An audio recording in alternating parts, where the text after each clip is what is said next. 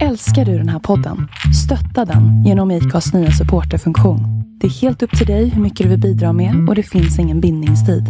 Klicka på länken i poddbeskrivningen för att visa din uppskattning och stötta podden. Hej, jag heter Ryan Reynolds. På Midmobile vill vi like to do opposite of vad Big Wireless gör. De laddar dig mycket we charge you a little. So naturally, when they announced they'd be raising their prices due to inflation, we decided to deflate our prices due to not hating you. That's right. We're cutting the price of Mint Unlimited from $30 a month to just $15 a month. Give it a try at mintmobile.com slash switch. $45 upfront for three months plus taxes and fees. Promo for new customers for limited time. Unlimited more than 40 gigabytes per month. Slows. Full terms at mintmobile.com.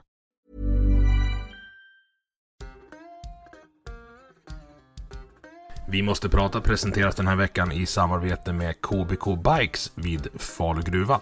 KBK står för Kör bara kör, drivs av Mika Snäll och du som går och köper en cykel där får ett helt fantastiskt erbjudande om du berättar för dem att du är där tack vare podden. Stort tack till KBK Bikes. Det är som, som när jag har det i peltorlurarna när jag är ute och städar gården. Så Ja, det, Suveränt, då kör vi. perfekt. Då välkomnar vi Ronny Berggren till eh, Vi måste prata. Tack så mycket. Och jag är ju en liten plutt jämfört med, med dig poddmässigt. Alltså det här är avsnitt 23 kanske av min podd. Och du har en podd som heter Amerikanska nyhetsanalyser som om jag inte är eh, felinformerad är på avsnitt 1349 nu. Eh, det stämmer. Jag tror att det är det. Jag tror att det är det avsnittet. Jag har ingen koll själv nästan, men 1300 någonting där i alla fall, ja. Hur kom du dit? Alltså var det... Eh, Det, det är snart 1500 avsnitt. ja, nej men jag har, alltså, jag är målmedveten, jag utnyttjar de tidsluckor som finns och eh, jag har ändå gjort det här ganska länge, men jag började den här podden 2000, ja, i praktiken i 2000, 2011, sen formellt 2012, men det är ändå, ja det är tio år ungefär, så att jag har jobbat på länge. Men det är ändå 150 avsnitt per år. Ja, eh, fakt- när du säger, jag har inte tänkt på det, men du har rätt. Det, det stämmer ju. Det är ju. Du har rätt, det, det är ganska många. Men, men, men det får jag förklara med att jag försöker utnyttja de tidsluckor som finns. Och förut så bloggade jag ju på amerikanska nyhetsanalyser. Mellan 2008 och 2016 så skrev jag 15 000 blogginlägg. Men jag har inte tid att skriva lika mycket eftersom jag gör så många poddar. Så att jag har väl omprioriterat tiden lite grann då. Ja, det är, det är fantastiskt. För jag vet ju hur lång tid det tar att göra de här avsnitten. Försöker få ut ett i veckan och lyckas inte alltid. Och du, du sitter på tre. Men berätta först för de som inte har koll på dig. Vem är Ronny Berggren? Eh, ja, jag, mitt namn, Ronny Berggren heter jag alltså. Jag bor i Örnsköldsvik, en stad här uppe på den norrländska östkusten. Och eh, jag är 42 år gammal. Jag var tvungen att tänka efter det här lite grann. Men 42 år gammal, född 1979. Jag har en utbildning som religionshistoriker från Umeå universitet. Och jag har, ja, jag arbetar som personlig assistent. Det är helt vanligt knegaryrke här uppe i Norrland. Och på fritiden så, ja, läser jag och följer amerikansk politik och, och sådana saker. Så att, eh, lite kort så. Och det är alltså så här, när du säger läser och följer så är det väldigt ödmjukt av dig. Du är ju, du blir inkallad som expert. Alltså du har ju nördat ner dig rejält i det här. Mm. Ja, Du har till och med varit över och jobbat med det va?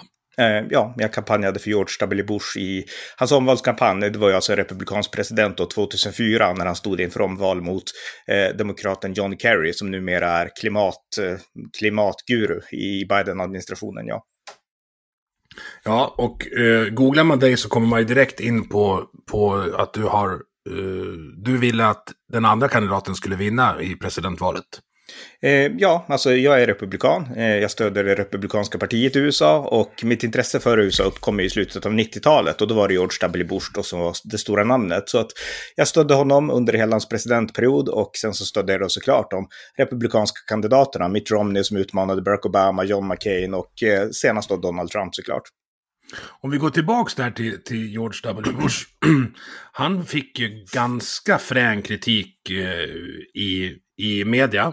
Det drevs ganska mycket med att han var, att han var korkad och så. Lite att säga, ja men kan man verkligen göra så här med en president? Och så jämför man hur media har behandlat Donald Trump under de här fyra åren. Så var George W. Bush hade ju en walk in the park. Eh, nej, jag håller inte med om det. Nej. Utan jag anser att eh, kritiken mot George W. Bush var precis lika hetsk som den mot Donald Trump. Det är bara det att eftersom eh, Bush inte hade så många vänner i Sverige, jag var en av få som var Bush-vänner, så var det ingen som brydde sig om det eller tänkte på det på den tiden. Mhm. Och Donald Trump har också en fördel mot George W. Bush och det är fördelen att idag så, idag så finns det sociala medier. Och även här i Sverige så kan man läsa om amerikansk politik och lära sig själv på ett helt annat sätt än man kunde för 20 år sedan. Så att Donald Trump har idag fans över hela världen, inklusive inklusive Sverige. Eh, det hade inte Bush och det berodde inte på att hans politik var värdelös, utan det berodde på att det fanns bara de här ensidiga demokratiska förklaringarna i Sverige. För på den tiden var du tvungen att läsa svensk media, det är du inte idag. Så att jag skulle säga att Donald Trump har haft det lättare eh, internationellt än vad Bush hade. Spännande. ja, jag, jag, jag böjer mig för experten. Men hur, hur skulle du beskriva skillnaden i bilden som förmedlas eh, av Donald Trump, om vi stannar där, i Sverige kontra den som förmedlas i USA? Eh, jag tror att den stora skillnaden är, alltså Trump eh, skildrades ju negativt i båda länder såklart, men skillnaden är att USA är ändå, jag menar halva USA valde Donald Trump, eh, så att i USA finns båda sidorna. Det finns den positiva sidan av Donald Trump som kanske går lite för långt åt sitt håll, och sen finns det den negativa sidan också. Här i Sverige så all etablerad media tillhör egentligen den, ja, den negativa sidan i Sverige. Sen finns det som jag var inne på för en stund sedan då, även alltså via sociala medier så kan andra få liksom mer positiva infallsvinklar. Men generellt så är ju liksom bilden ensidigt negativ i Sverige. Så att det, är, det är skillnaden mellan USA och Sverige. När du stöter på folk som du inte har träffat förut och berättar för dem att du stöder Donald Trump, vilken reaktion får du då? Eh, ja, det var en jättebra fråga. Därför att jag, jag, alltså rent privat så är jag en sån här, alltså du lyssnar på min podd och så och då är jag väldigt tydlig med mina politiska åsikter. När jag träffar nya människor så vill ju inte jag liksom säga, tjena jag är republikan, jag älskar Donald Trump. Det är liksom inte så jag presenterar mig. Så att det brukar ta tid om man nu inte vet. Jag har ju blivit lite mer en offentlig person de senaste, det senaste året egentligen.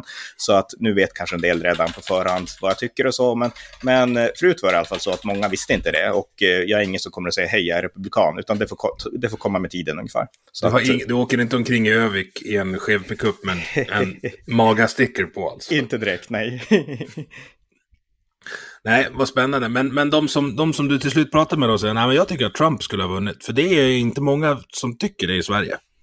Nej, det stämmer ju. Nej, men alltså, nej visst, alltså, då får man ju förklara när man väl träffar sådana. Men jag har inget exempel på det ens. Jag, jag kan inte ens minnas när jag gjorde det senast. Så, så eh, ja, då får man förklara lite grann grunderna, alltså varför republikanerna är bra. Det är alltid så jag brukar börja. Det är inte Trump som person jag hyllar och dyrkar, liksom, utan det är Trump är republikan, han står för republikanernas värderingar. Och eh, det är värderingar som har att göra med en begränsad statsmakt, med individuell frihet och med USA som en stark nation i världen och eh, en nation som också är skeptisk till ja, överstatlighet och sådana saker. Så att det är de värderingarna man tror på när man stöder republikaner och Trump var ju republikan. Så att jag brukar börja, jag skulle börja, om jag nu mötte en sån person så skulle jag börja i den ändan. Och eh, motståndarna då? Vad, vad är deras åsikter i de här frågorna? Eh, du menar motståndarna, så, ja vad menar du? Utveckla lite grann. Ja, alltså om du säger att du var republikan, alltså vad säger demokraterna? Eh, ja, alltså demokrat, ja okej, demokrater, nej men de tycker att Donald Trump är en buse, precis som de tyckte om George W. Bush. Och de tycker ju att, eh, och speciellt om vi tar motståndarna i Sverige, de tycker ju liksom att eh, republikanerna har väldigt konstiga värderingar, syn på aborter och vapen, vapen inte minst, det är en stor fråga då, som vi inte alls förstår här i Sverige. Och, och sådana frågor. Så de, de tar ju på de här attributen som sticker ut. Det som är icke-svenskt, det kan man inte förstå och därför är det fel, ungefär.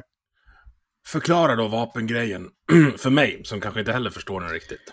Eh, nej men alltså USA har ju, alltså alla som ser amerikanska filmer, alla som har varit i USA, eller det beror på vart man åker, men, men alltså alla vet att amerikaner har en slags fascination för vapen som vi inte har i Sverige.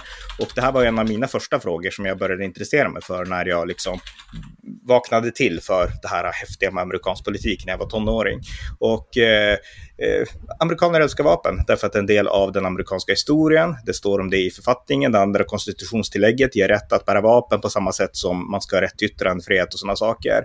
Och eh, USA är ett land som har grundats på en revolution, revolutionen mot Storbritannien 1776. Då hade man vapen och vapen har varit en del av det amerikanska, alltså möjligheten att försvara sig själv, möjligheten att gå med i milisgrupper och eh, möjligheten att, eh, att liksom känna sig fri, att jag kan trygga min egen familj. Och det här är ju teoretiska idéer på ett sätt, men det är också en praktisk realitet. Alltså i, i USA så uppstår det situationer där du måste skydda dig själv, där rättsväsendet inte kan skydda. Och sådana situationer har ju börjat dyka upp här i Sverige också, men vi har inte anpassat oss till det bara. Så att det är en del av den amerikanska traditionen och inte bara liksom någon slags teoretisk tradition, utan en levande tradition. Amerikaner har en vapenkultur helt enkelt. Eh, men det börjar skilja sig lite grann. Storstäderna, där så försvinner den här kulturen. Den finns knappt, medan det finns på landsbygden och i södern och i norra USA och sådär. Men storstäderna, det är ju där som stödet för vapen undergrävs nu i USA. Och det är fascinerande också, du säger första tillägget är yttrandefriheten, mm. andra tillägget är rätt att bära vapen. Den är högt upp på listan. Ja, precis. Ja, verkligen. Exakt. Och det var ju väldigt viktigt. Jag menar, Thomas Jefferson, min favoritfilosof, USAs tredje president och författaren till den amerikanska frihetsdeklarationen, han sa att en av orsakerna till att vi lyckades vinna över britterna, det var en av hans analyser då, det berodde på att vi, vi har lärt oss att hantera vapen i princip sedan vi var bebisar. Så att, eh, ja. Den rörelsen har ju funnits i Sverige också för länge sedan. Den här skarpskytterörelsen som, som eh, ja, man hade som vision att eh, beväpna allmogen. Just den, den, finns inte längre. Nej, eh, tydligen inte.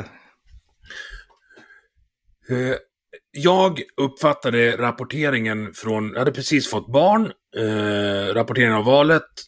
När jag gick och la mig, då var det klart att Hillary skulle vinna och när jag vaknade hade Donald Trump vunnit. Jag antar att du satt uppe och, och eh, följde det lite mer än vad, jag, än vad jag gjorde. Ja, det gjorde jag. Det är länge sedan, så jag minns inte alla detaljer, men ja, ja.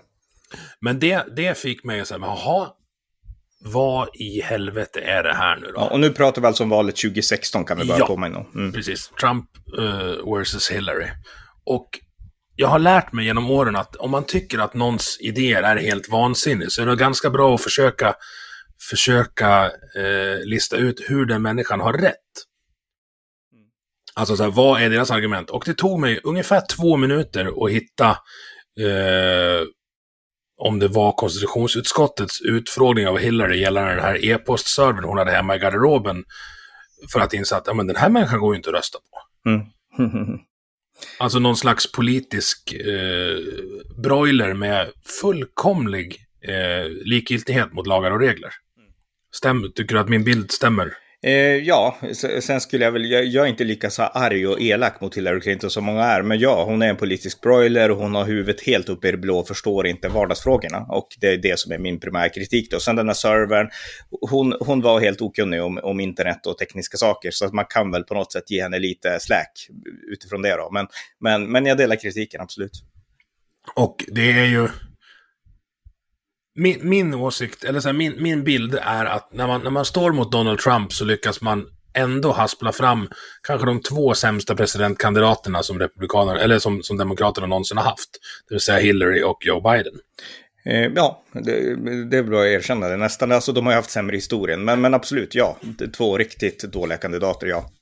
Var, varför är det så? Vad är din analys av det då? För det finns ju, om man har alltså jag har verkligen följt det här valet nu när de mm. skulle få fram en, en, motståndare till Trump. Och det finns ju en del, alltså säg, vad heter hon från Hawaii, vet du vad jag menar då? Tulsi Gabbard. Ja, hade hon klivit upp och debatterat, hon hade, hon hade, ja, jag tror att hon hade slaktat Trump i en debatt. Ehm, ja, jag är inte säker på det, men alltså orsaken till att Hillary Clinton vann Demokraternas nominering 2008, det beror ju egentligen i mångt och mycket på att eh, partiet ville, alltså hon tillhör ju den här generationen, hon är 70, vad är hon, 70, ja men 70 plus någonting liksom. Och fort, fort, okej, några, det har kommit några yngre då, men fortfarande så är det generellt hennes generation, eller kompisarna till hennes generation som styr det Demokratiska partiet. Och hon ställde upp även 2008, hon har alltid drömt om att bli president, och 2008 så besegrades hon av Barack Obama i Demokraternas primärval val. Och det här kom som en chock. Bill Clinton var jättebesviken och partiet visste inte hur ska man göra det här då. Och sen så var det bara att foga sig. Nu är det Obama som bestämmer. Men sen hon fick chansen igen då 2016, då kände partiet att nu är det Hillary Clintons tur. Vi vill ha en kvinnlig kandidat, vi vill ha en kvinnlig liksom, president från vår generation, kände de som bestämde i partiet. Och då gjorde man det man kunde för att manövrera ut hennes stora konkurrent 2016 i Demokraternas primärval, nämligen Bernie Sanders. Så att hon gav sig mångt och mycket makten av partiet partiet då, för de ville så gärna kröna henne till, ja, till den amerikanska politikens drottning lite grann. Så att det var orsaken till det. Eh, Joe Biden, han vann väl egentligen på samma sätt som han, som han själv säger att han vann, nämligen att partiet sökte någon som inte var vänsterextrem och eh, någon som man trodde ändå kunde vara vettig nog att besegra Donald Trump. Så att han vann nog på rätt grunder, även om han är en dålig kandidat. Mm. Det där är också intressant med vad, vad som i Amerika betraktas som vänsterextrem. Eh, skulle ju någonstans hamna i typ Kristdemokraterna i Sverige. Nästan, ja. Mm. Eh, vilket också är spännande att den svenska, det känns som att den svenska politiska etablissemanget verkligen satt och höll tummarna för Joe Biden nu. Ja, utan tvekan, så var det. Men sen gällande vänsterextrem, alltså vi har ju den här radikala vänsterfalangen i USA, den är ju väldigt vänster och den är lika vänster som vårt vänsterparti i princip. Kanske inte på alla sakfrågor, men i många avseenden. Så tänker att, du på Antifa-gänget och dem nu, eller vilka tänker nej, du? inte så, så långt behöver vi inte gå, men jag tänker på Alexander Ocasio-Cortez och de här Ilan Omar och de här unga i kongressen, Demokraterna, de är ju väldigt vänster. Så att det finns ju en mer radikal falang i Demokraterna idag, som inte fanns förut. Så att de är ju väldigt vänsterradikala, men överlag Demokraterna, vänstersidan, de klassiska klassiska demokraterna, de eh, utan tvekan, det är väl som KD i Sverige kanske. Och det, det gör det så konstigt också, just att, att Stefan Löfven går ut och gratulerar och tycker att Joe Biden är bra. De skulle ju inte vara överens om någonting om de fick sätta sig och diskutera. Nej, men jag tror att det är skillnaden mot, ja, nej precis, men det är skillnaden mot Donald Trump, alltså där och mot Republikanerna, för där har man ju ännu mindre saker som man är ense om. Mm. Och sen finns det ju sakfrågor som Joe Biden och Stefan Löfven är ense om, som till exempel klimatfrågan och kanske synen på nedrustning och, och sådana saker. Så att eh, det finns ju vissa beröringspunkter också. Jag vill stanna kvar lite med det där du sa att etablissemanget ville ha en kvinnlig president i sin generation. Det går ju igen lite i valet av vicepresidentkandidat nu i det här valet. Eh, för Kamala Harris fick noll röster när hon, när hon försökte bli president. Alltså ingen ville ha henne med i racet. Men ändå utses hon till, till vicepresident. Är inte det lite konstigt? Jo, nej men det, du har helt rätt, du är inne på helt rätt spår. Det är exakt så. Jag menar, hon var kvinna precis som Hillary Clinton var och därtill så var hon också svart. Och hon, ja, man vill ha en svart kvinna och att en svart kvinna en dag ska bli president. Det är målet bland de här aktivistgrupperna och feministgrupperna och eh, ja, olika sådana här aktivistgrupper som sagt då. Så att eh, visst, det, det, folket valde Joe Biden men de valde inte henne. Nej. Tror du att hon är president inom ett par år? Eh, jag hoppas inte det. Alltså jag, tycker, alltså jag har läst hennes bok och hon är, en, eh, hon är definitionen av en opportunist. Alltså hon vill bara få makt och kändisskap och status. Eh, och hon är inte någon så här tydlig ideolog eller liksom någon tydlig ledare. Utan hon är precis schablonuppfattningen av henne, är min bedömning efter att ha läst. Jag läste inte hela boken för den var väldigt uttråkad, men efter att ha läst lite grann av hennes bok då. Så att eh, jag vet inte. Eh, alltså, jag har svårt att tro att hon skulle klara sig. Alltså, och risken finns kanske, kanske att till och med någon demokrat skulle ställa upp och utmana henne i ett primärval. Man vet aldrig. Men eh, alltså, jag vet inte är mitt svar, men jag hoppas inte det. Jag tänker mest på att eh, det finns en del indikationer på att Joe Biden inte mår så bra. Eh, ja, han är äldre och han gör ju sina konstiga, ja, han säger konstiga saker och folk spekulerar i om han är dement eller inte eh, och sådär. Och eh, hur kommer han att må om två, tre år till? Vi får se alltså. Så att ja, alltså möjligheten finns utan tvekan att, att hon blir liksom the top, top of the ticket. Vad tror du då om, om hans tillstånd? Nu ska vi säga så här, hade det här varit Sveriges Radio eller SVT så hade jag sagt att nu är Joe Biden och Kamala Harris inte här och kan försvara sig. Men vill de så ringa upp dem också. precis, precis, precis. Ja, nej men, eh, ja, vad frågar du nu? Nu tappar jag bort mig där. Ja, men hur tror du, alltså hur, hur tror du han mår? Eh, nej, men jag tror, alltså, ja, jag vet ju inte alltså. Han håller ju presskonferenser och han, eh, jag tror inte att han är lika i dåligt skick som hans, liksom som nidbilderna av honom gör gällande. För då tar man de här enskilda sakerna så gör man en lång loop, en lång slinga av liksom allt han säger fel och alla hans liksom stakningar och så. Och så då, illa ställt är det inte, men det är inget snack om att han är mycket trögare nu än han var för bara, ja men, tre, fyra år sedan liksom. Det, det finns inga likheter. Så att ja, alltså han, han åldras, Joe Biden, det kan man väl säga ändå. Eh, så vill jag inte vara för elak, men, men han åldras och det, jag tycker media borde påpeka och uppmärksamma det mer. Därför att vi var inne tidigare på det här äh, snedbilden mot republikanerna. Och äh, i amerikansk media och i svensk media så liksom, det snackade man alltid om är Ronald Reagan dement. Man snackade till och med om att George W. Bush skulle vara dement för att han sa fel i ett tal två, tre gånger. Liksom. Äh, och man har pratat likadant om Donald Trump. Och nu ska föra Demokraterna fram en president som helt uppenbart liksom visar tusen gånger fler tecken på att vara liksom, det funkar inte längre riktigt som det ska i huvudet. Eh, tusen fler tecken på det republikanska presidenten någonsin har gjort och man liksom får knappt lyfta frågan. Så att av det skälet kan det vara värt att diskutera, men jag vet inte, jag vet inte. Eh, han, han blir trögare, när jag med mig att säga, och förmodligen så ja, han har sagt själv att han vill ställa upp liksom fyra år till, så vi får väl se vad han bestämmer. Det blir ju hans, hans beslut i slutändan då. Eh, men, men vill han inte ställa upp så kommer ju Kamel Harris med all sannolikhet att vilja ta hans roll där. Mm. Vad tror du nästa val då? Tror du att Donald Trump kommer vara med där? Allt tyder på det just nu. Eh, man kunde inte veta det för några månader sedan, men nu tyder egentligen allt på att Donald Trump kommer att ställa upp igen. Och han, han är ute och kampanjar nu redan egentligen och bygger upp sin cred bland partiet och liksom eldar på kärnväljarna och vill, vill se till att partiet röstar in i primärvalen, de republikanska primärvalen, eh, America First Republicans som man kallar det, alltså republikaner som är inne på hans linje. Så att eh, han banar vägen för sin egen comeback. Så att ja, jag tror att Donald Trump kommer ställa upp. Och då är han alltså hur gammal då? Då är han nästan 80 när det är dags. Eh, ja, det borde bli så ja. Eh, exakt. Ja, 79. Mm. Ja. Det är ju väldigt mycket äldre än de politiker vi ser på den här sidan Atlanten mycket äldre. Och jag menar, USA har ju en tradition av att liksom, man har inget åldersförakt i USA, utan du kan vara jättegammal. Eh, och det finns alltså kongressmän, senatorer som har suttit i, i kongressen tills de varit, jag tror till och med till 100 års ålder. Så att jag menar, eh, och jag menar, kolla på förra presidentvalet, Bernie Sanders, Elizabeth Warren, Donald Trump, Joe Biden, liksom alla var, ja, alla var väl 70 plus, liksom mm. nästan 80 vissa. Så att, eh, ja. Så att det, det är en helt annan syn på, på åldrande i USA. Bernie Sanders tycker jag är fascinerande. Vart skulle du passa, eller sätta in honom på en höger-vänster-skala med svenska perspektiv? Eh, nej, men han skulle ju passa Vänsterpartiet, det, det skulle jag ändå säga. Så, så långt ut alltså, trots att han är amerikansk miljardär och senator? Ja, jag tror att det finns rika, äh, rika vänsterpartister också i Sverige. Men, men ja, alltså, ja, eh, han tillhör ju, han har ju alltid varit liksom den udda fågeln i det demokratiska partiet. Så att ja, utan tvekan, alltså han skulle passa Vänsterpartiet i Sverige. Eh, och jag tror han har väl bakgrund i det American Socialist Party också. Så att, eh, där även Jonas Sjöstedt var, var, del, var medverkade i när han bodde i USA. Så att eh, Vänsterpartiet skulle jag ändå säga att Bernie Sanders skulle passa i. Mm. Vi ska stanna kvar lite, vi ska, eller ska koka ner det här. Mediabilden, Trump och Biden. när, när Biden lanserade sin presidentkandidat, presidentkandidatur hette det, så gjorde han det på falska premisser. Han lanserade det eh, med hänvisning till den här good people on both sides-vinkeln. Eh, kan du sammanfatta den lite för, för de som inte har koll på det? Ja, alltså Joe Biden han ville ju på något sätt framställa, alltså han vill återföra decency, anständighet till USA igen. Det var det som han lanserade sin kampanj på i, ja, var april 2019. Eh, och eh, ja, hans första kampanjlanseringsvideo, det handlade ju om de här eh, protesterna i Charlottesville eh, i, ja, var augusti 2017 eller något sånt där. Och då var det helt enkelt protester. Det hade lagts förslag om att, eh, eh att ta ner sydstatsmonumenten som fanns delstaten och eh, många konservativa ansåg att det var fel och där fanns även Ku Klux Klan som liksom ansåg att det var fel.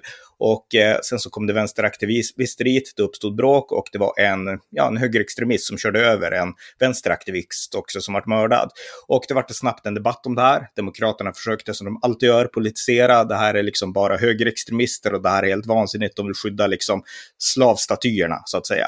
Och Donald Trump han liksom sa kyla ner, coola ner liksom. Det, det, liksom, det finns finns good people on both sides i den här frågan. Och liksom om de river ner de här statyerna ska de gå längre, sa Donald Trump på presskonferens. Ska de också riva ner George Washington, våran liksom landsfader, han hade slavar. Ska de ta ner statyn av Thomas Jefferson som skrev våran frihetsdeklaration, min egen favoritfilosof för övrigt. Eh, ska de ta ner dem också, sa han. Så att han försökte liksom coola ner det hela. Och Donald Trump hade helt rätt i, i sitt försök. Och vi kan ju se senare att Black Lives Matter, de rev ner statyer av Thomas Jefferson och de andra. Så att eh, han fick helt rätt, Donald Trump.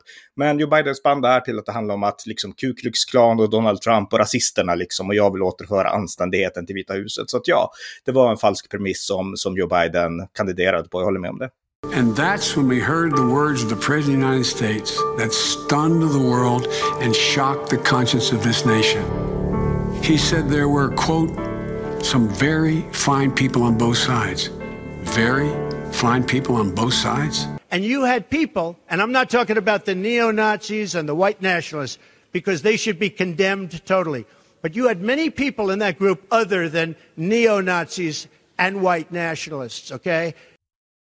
Donald Trump har ju agerat ganska impulsivt och eh, ja, tämligen burdust. Han har ju liksom gett lite öppet mål för de här angreppen. Vad är din analys av det? Är det som man är som person bara och kan inte hjälpa det, eller hur?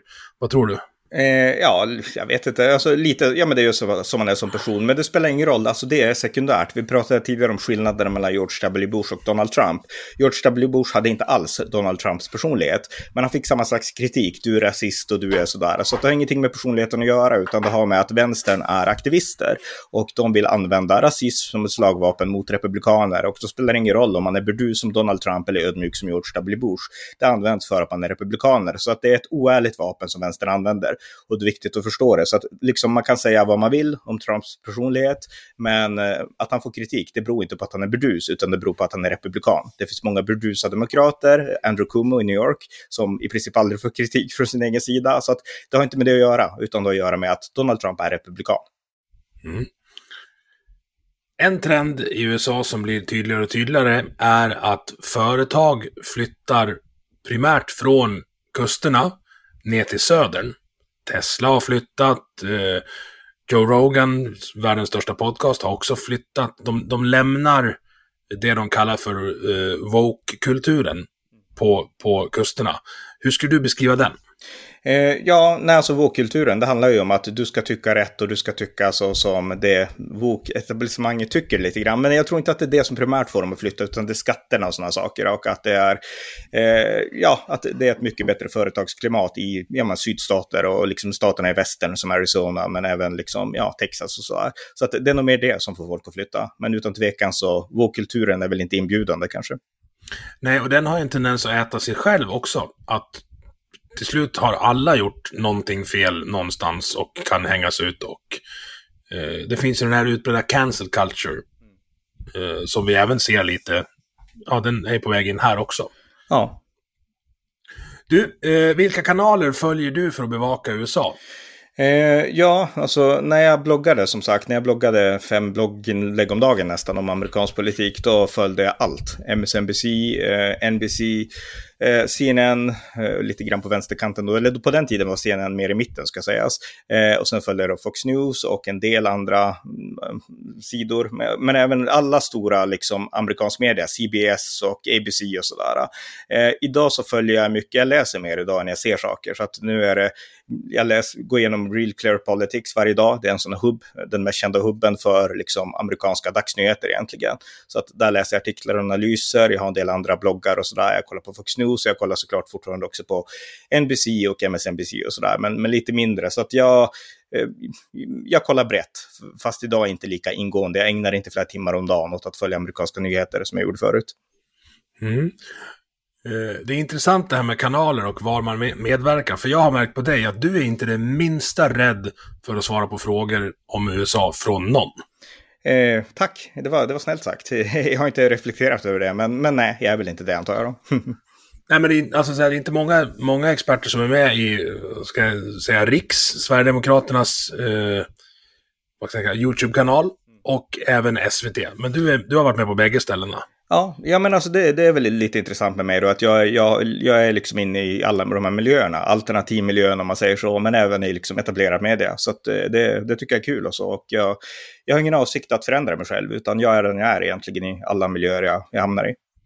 Och vad, vad kommer det ifrån då, den här uh, vad ska jag säga, orädslan. Vad heter det? Mod, skulle jag kunna betrakta det som. Eh, nej, men det, det, har väl att göra med det man vill uppnå. Jag menar, jag, liksom, det som driver mig är ju liksom inte kändisskap, utan det är mina övertygelser. Jag tror på vissa värderingar, jag tror på vissa idéer om världen och jag vet vad jag anser är bra och vad jag anser är dåligt. Och det är där som jag ser mitt, liksom, mitt, vad ska man säga för något, mitt kall i, liksom, att verka i media och att liksom, driva politik och hålla på som jag gör nörda ner mig i amerikansk politik. Så att det är det som driver mig. Så att, eh, om det finns ett mod här, jag skulle inte säga det, men då finns det det i så fall. Att det som driver mig är mina övertygelser. Det är liksom inte pengar eller kändisskap eller så. Sen vill jag gärna ha det andra också. Det, så är det. Men, men det är inte det som driver mig.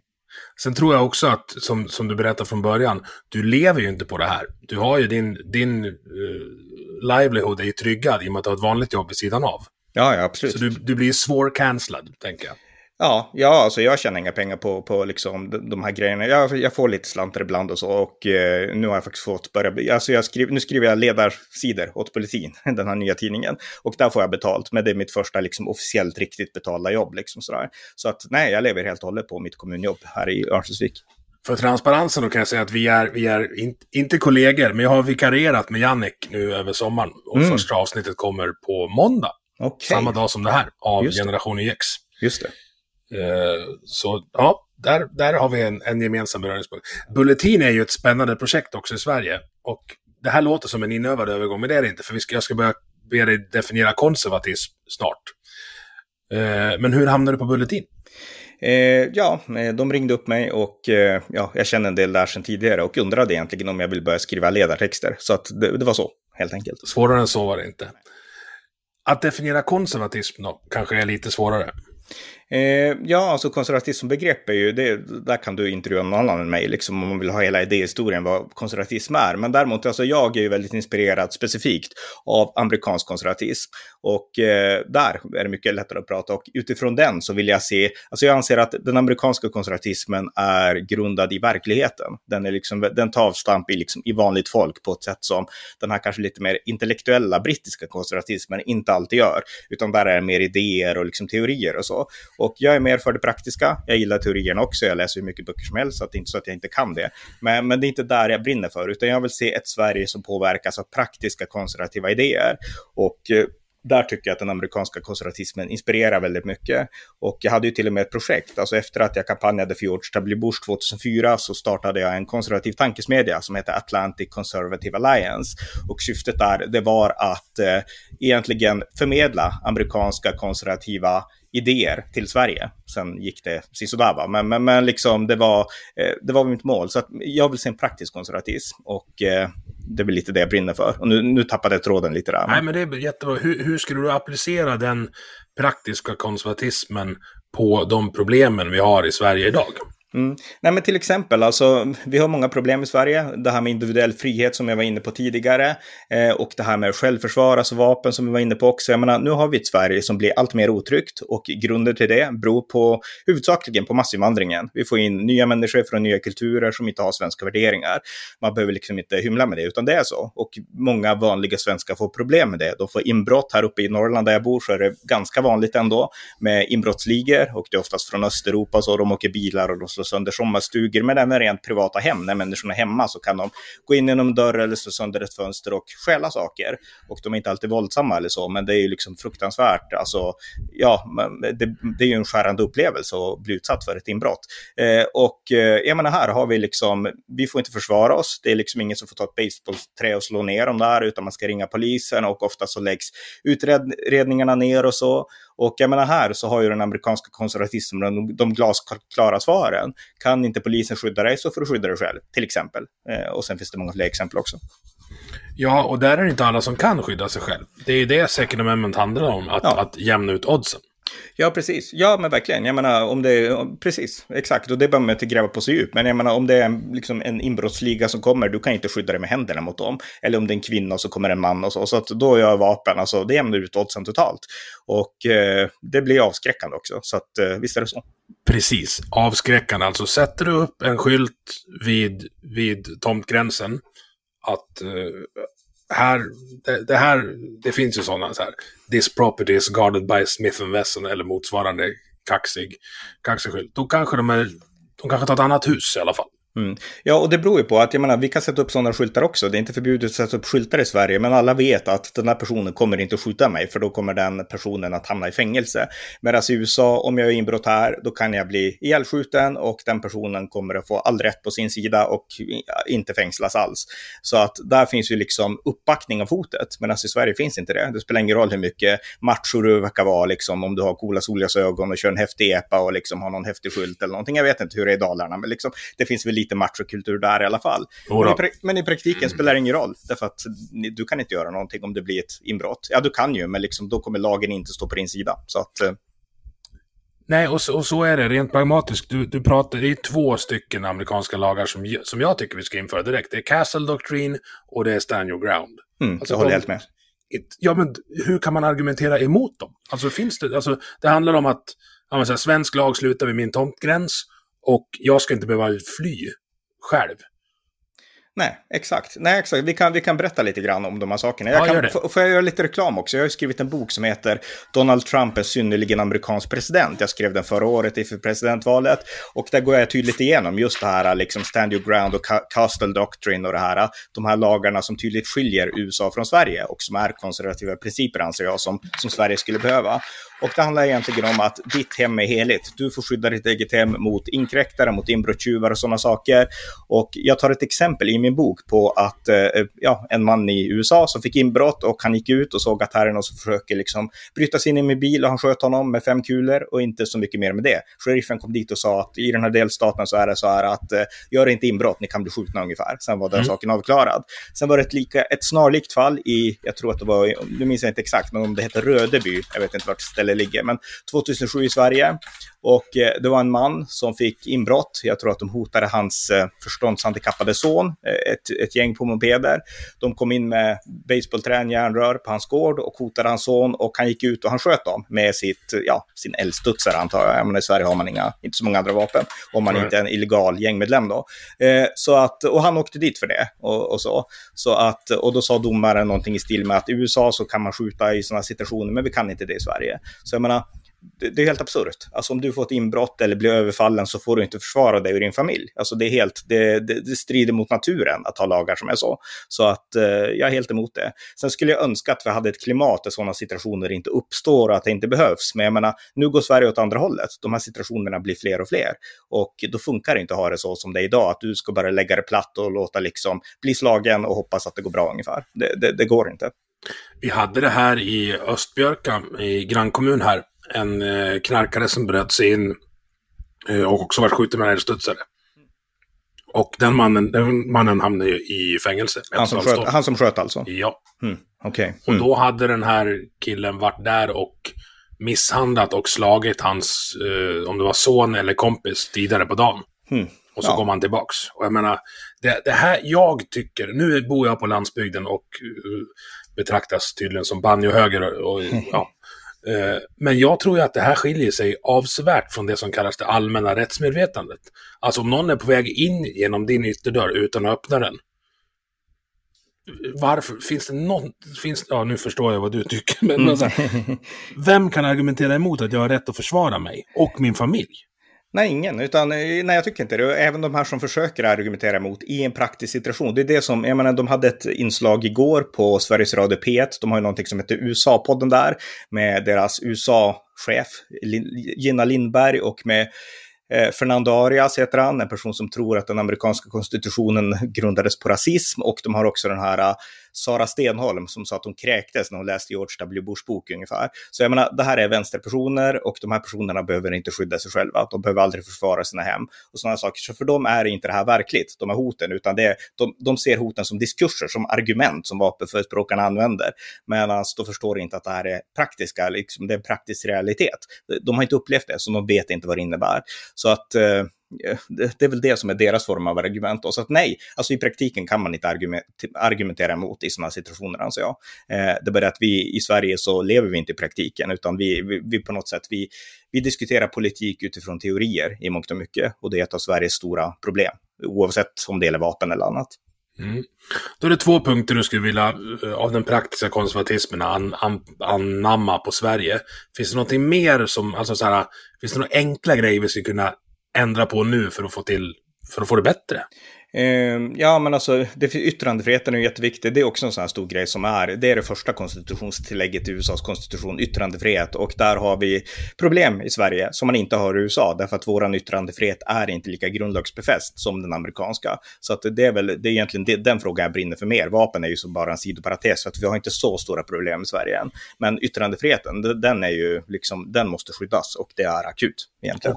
Och på vilket sätt är den inte skyddad i Sverige, tycker du? Nej, men vi har alla de här som blir åtalade för hets mot folkgrupp för att de skriver saker på internet. Det är en lag som måste avskaffas genast, så här snabbt ungefär. Och eh, de kanske skriver dåliga saker ibland och så, men, men det här utnyttjas. Alltså. alltså, du kan, säger du fel saker, säger du saker med ord, alltså faran mot demokratin, det är ju våld. Våld är alltid fel, generellt.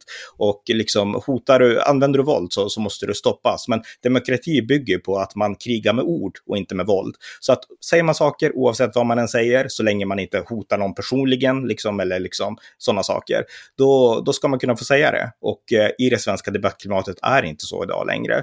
Och det är väldigt allvarligt och väldigt problematiskt. Och konsekvenserna är att man får sådana lagstiftningar som gör, jag menar jag nämnde nyss hets mot folkgrupp, som gör att om en äldre pensionär som kanske uttrycker sig som man gjorde förr, och som inte jag uttrycker mig kanske, skriver något på internet så den, kan den personen få sin dator beslagtagen eller hamna i fängelse och liknande. Och det, sånt är helt absurt. Det, det kan inte vara så, utan vi måste få känna att vi är fria att säga vad vi tycker och diskutera fritt och sen så får politiker snappa upp den debatten och liksom rösta utifrån hur vi debatterar. Men det går ju bara om vi är fria att debattera precis som vi vill.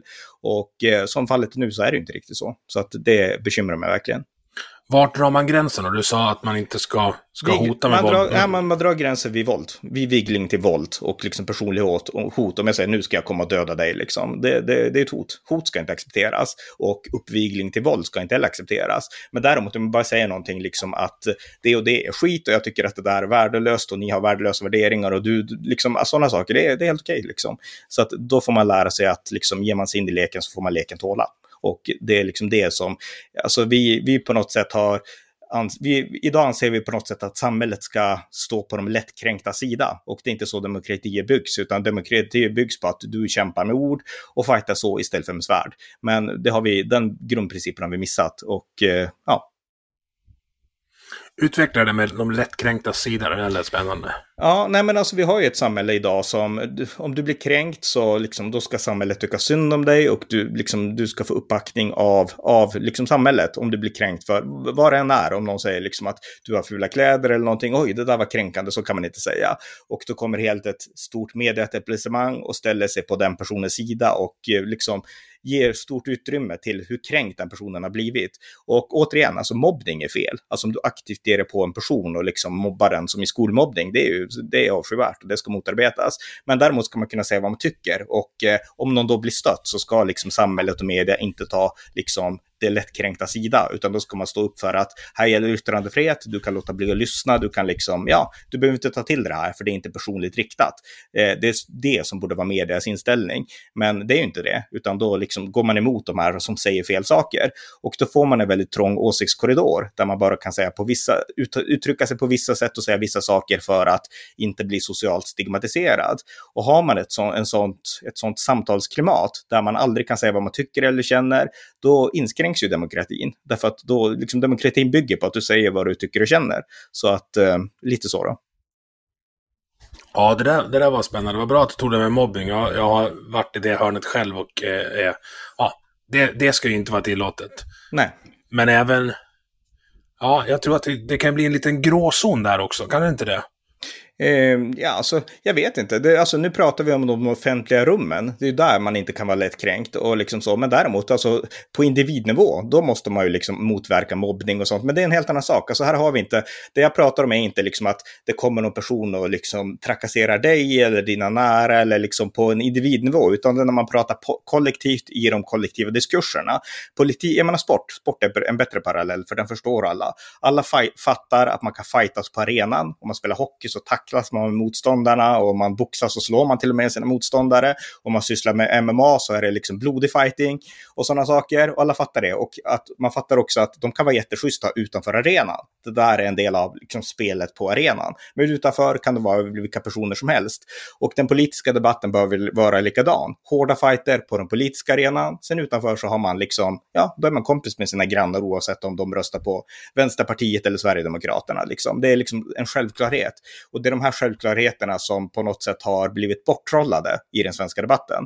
Och eh, när det trollas bort, då, då finns risken att man skapar de här åsiktskorridorerna som i det långa loppet undergräver demokratin. Ja, du, du nämnde Sverigedemokraterna. Jag är väldigt irriterad på den här isoleringstaktiken som, som övriga partier eh, jag började genomföra direkt, ja, egentligen innan SD kom in i riksdagen, med att inte prata med dem. fast de var liksom det största partiet utanför. Och sen förstår inte jag hur man val, alltså tre val i rad snart, fortsätter med samma taktik och bara liksom ger dem röster hela tiden. Kan du, kan du förstå det? Eh, ja, alltså återigen, alltså, den här isoleringstaktiken, den bygger lite grann på de här nidbilderna, att liksom Sverigedemokraterna är nazister och sådana saker. Så att det, det är väl nidbilderna det bygger på. Och sen bygger det också på, jag menar, nidbilderna kan, skulle inte ha upprätthållits om man på ett personligt plan hade fått förtroende för Sverigedemokraterna. Jag menar, jag är konservativ och jag röstar på Sverigedemokraterna och så. Och eh, jag menar, jag har inga problem att bygga relationer åt alla håll alls. Så att det är liksom, det, det är kombinationen. Nidbilden av Sverigedemokraterna som är en felaktig nidbild, men också att Sverigedemokraterna verkar inte riktigt ha lyckats överbrygga det här förtroendegapet. Och eh, ja, vad det nu beror på då. Så att lite både och där. Men, men jag tror att det här kommer förändras på grund av liksom realiteten. Jag menar, nu har Sverige Sverigedemokraterna nästan 20 procent stöd. Ingenting tyder på att det kommer bli mindre. Och eh, då måste man bita ihop om man heter Ulf Kristersson eller Ebba Busch Thor och då spelar det ingen roll liksom personkemin utan då är det bara ett, ett faktum. Sverigedemokraterna är stora och vi måste förhålla oss till det helt enkelt. Och du vet, jag tror ju att även, eh, jag tror att alla i riksdagen pratar med varandra när kamerorna är avstängda. Jag tror, att de, jag tror att de gör så här som du säger att de gör, men de, de vågar inte visa det utåt. Kan vara så. Det, jag har ingen erfarenhet av riksdagen, men det kan vara så, ja. Jag har till, till och med för mig att Annie Lööf sa det i någon tidning, att hon kan sitta och ta en kaffe med Jimmy. Ja, om det är så, så jättebra det, i så fall. Och ja. våga, våga säga det utåt då, skulle jag säga. Ja, tack. Men alltså, jag, jag tror att Sverige är på väg att gå igenom någon slags nationell pubertet nu. Eh, det som Norge och Danmark och Finland vart tvungna att göra under andra världskriget, men vi slapp för att vi duckade. Så vi är en sån här bortskämd brat som bara haft det bra och nu, nu kommer verkligheten att knacka på. Ja, jag håller med. Eh, jag tror, och jag tror... Så jag tycker att Sverigedemokraterna är lite för sossiga för mig. Så jag, jag, jag röstar definitivt in, inte på dem. Jag, jag, jag brukar säga att jag har ingen att rösta på. Eh, tyvärr. Eh, men hur tror du det går i valet då? Nästa, alltså i Sverige?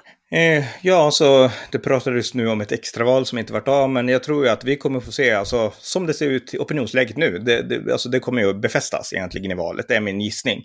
Och om Sverigedemokraterna sen blir större än Moderaterna eller inte, det är väl det som är frågorna då, men alltså det kommer inte bli några stora liksom, förändringar från opinionssiffrorna nu, utan det är väldigt jämnt mellan de här två så kallade blocken och eh, vad som helst kan hända, men jag tycker vinden blåser mer åt högerhållet och i synnerhet åt Sverigedemokraternas håll. Så att eh, ja, det kommer nog bli en rysare med, med liksom en positiv tiltning mot, mot det konservativa. Och jag tror, jag, tror, jag tror att du har rätt. Jag tror att opinionsläget kommer befästas. Jag tror att vi kommer få se en eh, MKD-regering med aktivt stöd av SD och kanske L om de finns kvar. Och i förlängningen där, de som nu eh, skriker högst om eh, alltså att, att det här är antidemokratiskt och så vidare. När det sen inte blir 1930-talet, eh, mm. de första två mandatperioderna, då är ju, alltså de är ju borta då. Ja. Och, och alltså, egentligen, jag skulle nog vilja byta ut alla i riksdagen. För det är de som har sett till att vi har det som vi har det nu. Och det är, det är inte så bra. Vi har, vi har ett... Eh, det är värre i Sverige än vad det är i jämförbara länder, det vill säga Norge, Danmark, Finland. Och jag förstår inte varför. Nej, alltså vi har en blindhet i Sverige. Alltså vi vågar inte se realiteten, utan det var inne på lite grann tidigare. Alltså ett av Sveriges problem det är ju att eh, politiker, media och så, de, liksom, de tar inte liksom, den liksom, praktiska vardagsrealiteten som utgångspunkt för sina analyser, för sin politik eller för sin opinionsbildning. Utan de tar sina fantasier, sina idéer om hur ett samhälle ska vara, om hur de önskar att samhälle, ett samhälle skulle byggas. Det är det som är deras utgångspunkt och det är det som gör att det blir så fel. Och även politiker lyssnar ju på det och då fortsätter de här felen att kanaliseras även liksom på politiskt håll. Eh, oavsett om vi pratar Annie Lööf eller Stefan Löfven eller sådär. Alltså liksom, eh, man följer diskurser i Sverige snarare än att ta avstamp i verkligheten. Och jag skulle säga att undantaget är, är Sverigedemokraterna i Sverige. Ja, nu håller jag inte med om deras verklighetsbild särskilt mycket heller, så jag tror att de, de, de kanske har en annan, en annan diskurs att utgå ifrån. Men, men som du säger, jag, jag tror inte att politiker är pragmatiska verklighetsmänniskor, tyvärr. Och det får ju fortgå. Nu, alltså nu är det jag som, som saluför mina åsikter, för mm. det är min podd. Yeah. Men det, yes. det får ju fortgå så länge media tillåter att de gör det. Vi, vi har, det finns ju, det finns ju, mitt favoritexempel är Ygeman som läckte hela trafikregistret till utländsk makt. Han får vara borta i ett och ett halvt år och sen bli digitaliseringsminister. Medan vi hade en moderat kulturminister som inte hade betalt tv-licensen och hon rök och kom aldrig mer tillbaks. Ja, alltså det är en dubbelstandard verkligen. Alltså, Fruktansvärt mellan, dubbelstandard. Mm, mm. Och jag menar, det kan man se allvarligare liksom, händelser också. Det här är ju småpotatis mot de här riktigt allvarliga sakerna. Men jag brinner för utrikespolitik. Kampen mot radikal militant islam är en av mina huvudfrågor. Och där kan man ju se oftast att eh, vad vänstern har gjort, alltså alltid när det var de här islamistdåden, så menade man, jag menar till och med 9-11-attacker så fanns det en socialdemokratisk kvinna på tv som sa att ja, men, vi måste kolla på orsakerna. Det här beror på liksom att det beror på allt väst har gjort, att vi har marginaliserat de här grupperna och så vidare och så vidare. Och där har det funnits en relativisering av islamistiska terroristdåd, medan det har funnits nästan en motsatt besatthet av så fort att det har varit ett terroristdåd som inte har utförts av en jihadist, då har man menat att men titta, här är en kristen extremist liksom. Så det är en otrolig dubbelstandard och det viktiga att förstå är att det är en medveten dubbelstandard skapad av vänstern. Ja, sen är det ju så, om jag, om jag ska agera djävulens advokat, eller faktiskt, nej, det gör jag inte, jag säger vad jag tycker. 9-11 beror ju mycket på USAs misslyckanden som militärmakt i Mellanöstern också. Eh, nej, jag håller inte med om det alls. Utan där, där, har vi olika syn på saken. då, tycker jag vi, då, då vill jag debattera det med dig. Ja, alltså det, det, finns ju... Eh, så här, vi, kan, vi, kan ta, vi kan ta nuläget istället. Isis strider ju med amerikanska vapen. Ja, de snodde dem eh, 2014 när, ja, när de invaderade Irak, så var det ju. Men de strider inte med amerikanska vapen för att USA har gett dem vapen. Sen fanns Nej. det vissa CIA-operationer i Syrien där man ville på något sätt hjälpa. Alltså det, det, var en grumlig politik i Syrien för man visste inte vilka grupper man skulle stödja. Men, men, eh, men svaret är ändå, alltså USA och Isis står inte på samma sida eller något där. Så är det oh, nej, det, det säger jag inte, men jag tycker att det är klantigt att lämna bössorna när man åker hem. Ja, lite så. Men, men alltså målet, ja men du förenklar väldigt mycket. För målet där i Irak och likadant i Afghanistan, det var ju lite grann att vi ska inte vara här för evigt. Vi, vi vill inte det och eh, ni måste kunna försvara er själva. Sen vet vi att ni kan inte försvara er med liksom tandpetare, utan nu behöver vi vapen och vi har världens bästa vapen. Har ni de här och om ni lär er hantera dem och visa mod så kommer ni att besegra alla terroriströrelser. Felet i Irak, det som hände då, det var ju att de här irakierna vart rädda. Alltså de hade bättre vapen än Isis, men de vart rädda för de såg vad Isis gjorde med alla de tog till fångar, de halshögg dem, torterade dem. Så att så fort Isis närmade sig kastade de sina vapen och sprang. Amerikanerna skulle aldrig ha gjort det om de hade varit kvar. Så att felet där var inte att de hade amerikanska vapen, det var att de inte hade en amerikansk mentalitet. Ja, okej. Okay. Uh, jag, jag, jag, börjar, jag tror att du är mer påläst i det här, så jag ger mig. Uh, 9-11, uh, Usama bin Ladens eh, terroriststyrkor är, en, är skapade av CIA. Eh, nej, så är det inte heller såklart. Utan, Ut, menar, utbildade av CIA i alla fall. Nej, alltså USA stödde Mujahedin på 80-talet. Det var en del av kalla kriget och Mujahedin var ju de här äh, islamistgrupperna som bekämpade Sovjetunionen, Sovjetunionens ockupation av Afghanistan. Och då ville USA ge Sovjetunionen sitt eget Vietnamkrig. Eh, och eh, då insåg man att vi pumpar in vapen till Mujahedin i, i Afghanistan då. Och eh, de får bekämpa Sovjet och eftersom Sovjet har, de krigar med stor prestige så kommer de inte vilja förlora, utan de kommer att mata på där och förlora hur mycket som helst om vi ger Mujahedin våra Stinger-missiler och liknande. Väldigt smart taktik av USA för att knäcka Sovjetunionen. Och det här bidrog ju till Sovjetunionens fall skulle jag säga då, att man vart så försvagad av det här. Så att det var en smart strategi av USA och det gjordes för att knäcka Sovjetunionen. Det gjordes inte för att man stödde liksom al-Qaida-grupper eller jihadism, så var det ju liksom inte. Så nej, det, det, är de här, nej, men det är de här sakerna som blandas ihop i debatten. För jag, jag, känner igen det du säger.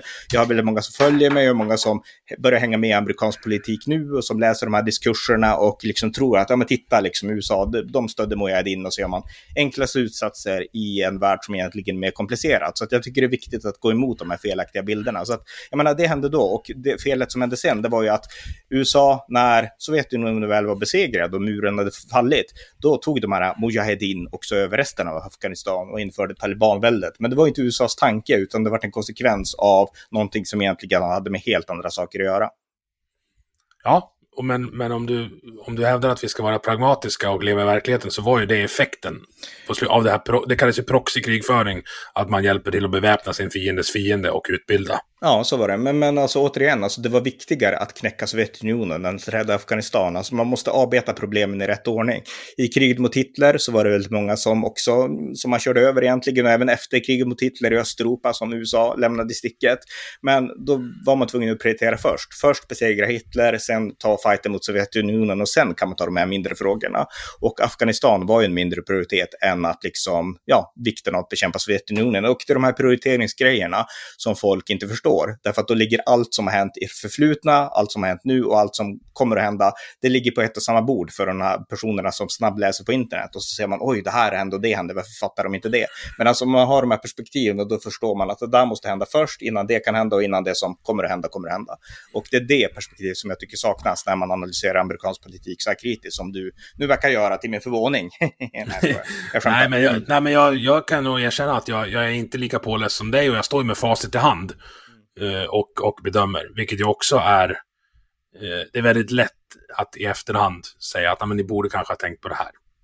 Ja, så är det. Utan tvekan, ja. Du, eh, konservatismen i Sverige betraktas som framstegsfientlig. Vad beror det på? Eh, gör den det verkligen? Alltså framtids... Jag, ja. jag tycker att konservatism eh, har, har berättats för mig innan jag började läsa själv som någonting som är emot framsteg. Och ja. det stämmer ju inte. Nej, det stämmer inte. Nej, alltså, du har rätt, alltså backar man några år. Jag menar alltså okej, okay, okay, backar vi några år, då var det utan tvekan så. Och då, jag menar när jag läste på universitetet och när jag engagerade mig i Kristdemokraterna, då skröt ju folk om att vi är verkligen inte konservativa. Det var liksom bara, och man fick liksom den här nidbilden av konservatism som något konstigt och något dåligt. Och jag menar, eh, återigen, jag menar, jag nämnde tidigare att jag är mer inne på den här praktiska amerikanska konservatismen. Jag har inte jättemycket övers för liksom de här liksom aristok aristokratikonservatismen. En sån är inte jag liksom. Så att eh, det kanske finns liksom vissa sanningar där i också. Men, men det är mycket nidbilder och idag så är ju konservatismen progressiv. Jag menar, idag så har vi orsaken till att det går fram en slags konservativ väckelse i Sverige idag, det beror på att eh, vi har samhällsfrågor där vänstern inte ger svar. Jag nämnde invandring, jag nämnde kriminalitet, men det finns mycket annat också. Och eh, jag menar, där har ju konservatismen svaren och där är konservatismen progressiv. Så att idag är det helt andra. Verkligheten har kommit ikapp och visat att konservatismen är realitetsbaserad på ett sätt som man kanske inte nödvändigtvis förstod eller behövde förstå förr i världen. Jag får ofta höra, jag betraktar mig själv som liberal konservatist. Eller konservatism, vad heter det? Liberal konservatistisk. Ja, liberal konservativ. Mm. Ja, och då får jag höra att de två går inte att kombinera. Och då säger jag att jo, men det går de visst. Det är så här. Jag tycker att alla ska få göra i princip det de vill, men jag vill slippa betala för det. Mm. Där, där landar jag. Alltså eh, livsstilsliberal men fiskalt konservativ. Ja.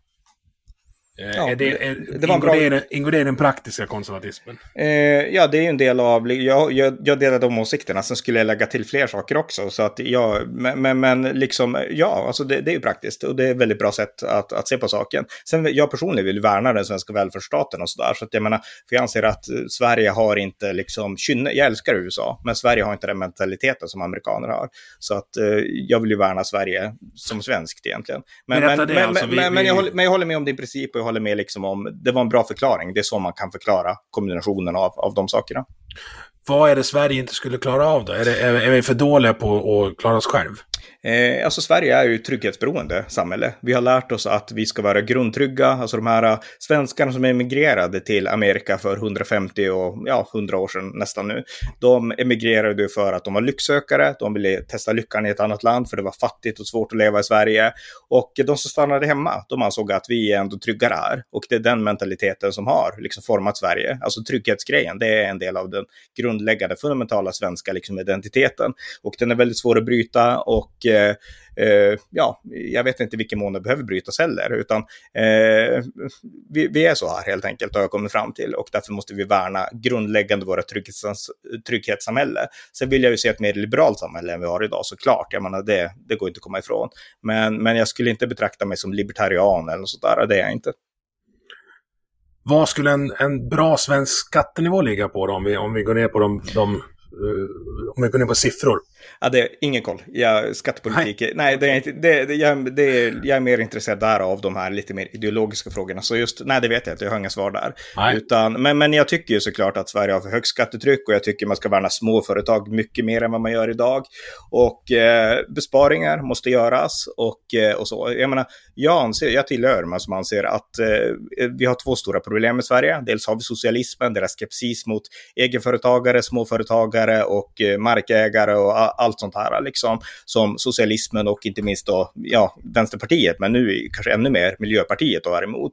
Och, eh, och så, där har vi ett problem med Sverige. Men sen har vi också det här, eh, alltså samtidigt som man tar höga skatter och man lägger krokben för småföretag och så, så öppnar man ändå upp börsen åt andra hållet genom att liksom massfinansiera massinvandringen, som, som det, liksom, det måste pratas om det, som är ett enormt problem. Så att man, man, liksom, man kväser den naturliga svenska näringslivet och man öser pengarna på bidrag och sånt åt helt andra grupper. Och eh, de problemen vill jag komma åt utan att diskutera liksom, detaljerna i skattesatser och sådär. Hur vill du komma åt dem då? Eh, ja, men alltså dels så bör man avreglera, alltså mindre socialism i liksom den svenska vardagspolitiken, men även täppa till hålen genom att begränsa invandringen och så. Eh, och eh, skära ner bidrag i de miljöerna och sådana saker. Alltså svenskt, det svenska välfärdssamhället är uppbyggt av svenskar för en svensk befolkning. Det är så det är uppbyggt i grund och botten. Alltså att man Eh, man betalar skatt, man går med i olika kollektiva föreningar, fackföreningar och liknande. Och det gör man ju för att om det här systemet inte håller, håller för någon enskild, mina barn, mina arbetskamraters barn eller deras föräldrar som åldras eller så, då ska ett system finnas där för att trygga dem. Men det här systemet är inte byggt för att trygga liksom, människor från Somalia. Det, det är inte det. det. Det är liksom inte svårare än så. Jag skulle vilja ha ett system som utgår ifrån att människor kan klara sig själv och som tar hand om de som inte klarar, klarar det. Nu är det nästan så att vi har ett system som är tvärtom, att man utgår från att ingen klarar sig själv. Ja. Och det, jag tror att det försvinner väldigt mycket pengar i eh, administration av de här stora systemen. Jag håller helt med. Mm. Så skattetrycket kanske inte heller är min viktigaste fråga, men däremot vad skattepengarna används till. Alltså de ska inte användas till Eh, det finns ju fantastiska dokumentärer om Martin Borg som jobbar på Moderaterna, någon annan betalar, när han går igenom kommunala skatteslöserier. Och den är hemsk att titta på, man blir så jävla arg. Ah, okay. Alltså det, ja, men så här, de installerar någon dimmaskin i en rondell för att det ska vara trollskt eh, för kommunala skattepengar som de sen får stänga av för att det var så mycket dimma så ingen såg rondellen, så det fick bära en massa bilar mitt i. Uh, I Smedjebacken värmer man upp någon sjö tre grader för att förlänga badsäsongen. Alltså det, och det är sådana fruktansvärda summor som bara försvinner ut i trams. Ja. Och de enda som kan ändra det här är ju de som ser det från insidan. Och skulle de ändra det här, då blir de av med jobben. Mm. Så det finns ingen incitament därifrån. Nej, men där, har vi också, där kan vi också lära av USA. Jag menar, vi, vi var inne på Tea Party-rörelsen, eller vi kanske inte var det, men, men det fanns i USA för tio år sedan något som heter Tea Party-rörelsen. Och de vill ju att USA skulle driva fiscal conservatism, alltså eh, liksom skattepengar ska inte slösas, för det är medborgarnas pengar. Mm. Och en sån rörelse har ju liksom, ja, en sån rörelse har inte riktigt fått fäste i Sverige, återigen för att vi har inte riktigt den mentaliteten. Alltså, svenskar är ändå okej okay med att, att man betalar skatt, bara det går till något hyfsat vettigt i alla fall. Det behöver inte vara exakt på kronan, men det ska ändå det ska kännas bra åtminstone. Det, det är väl vår mentalitet.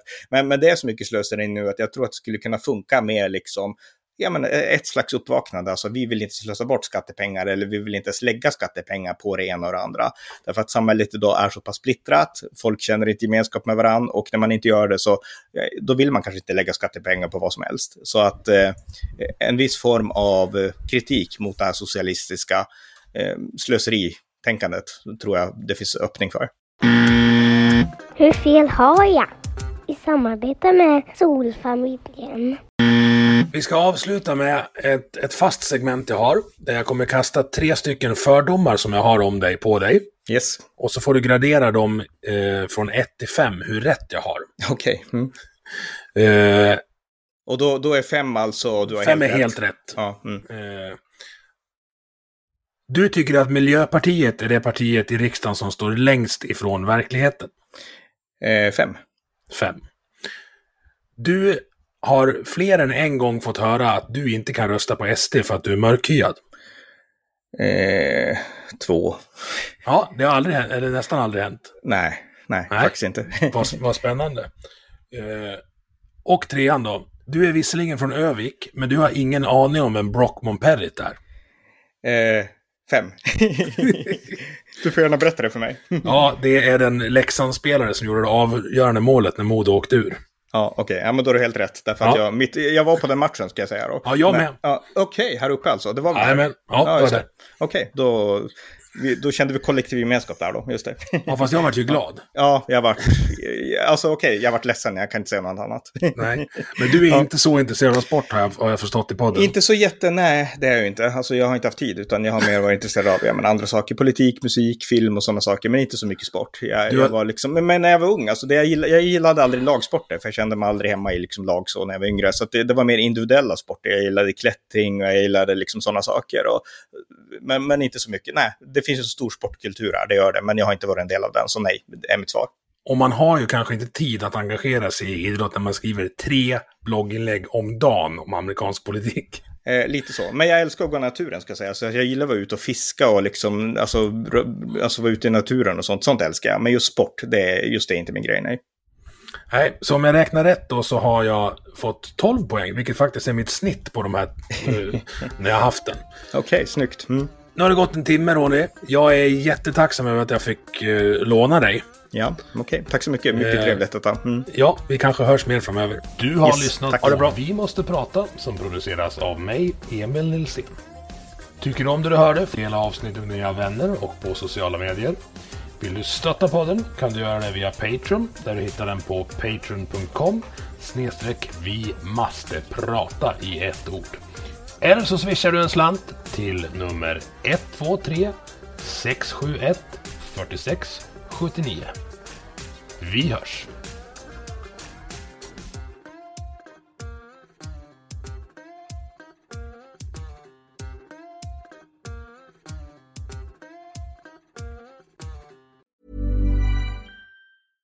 Flexibility is great. That's why there's yoga. Flexibility for your insurance coverage is great too. That's why there's United Healthcare Insurance Plans. Underwritten by Golden Rule Insurance Company, United Healthcare Insurance Plans offer flexible, budget friendly coverage for medical, vision, dental, and more. One of these plans may be right for you if you're, say, between jobs, coming off your parents' plan, turning a side hustle into a full hustle, or even missed open enrollment. Want more flexibility? Find out more about United Healthcare Insurance Plans at uh1.com.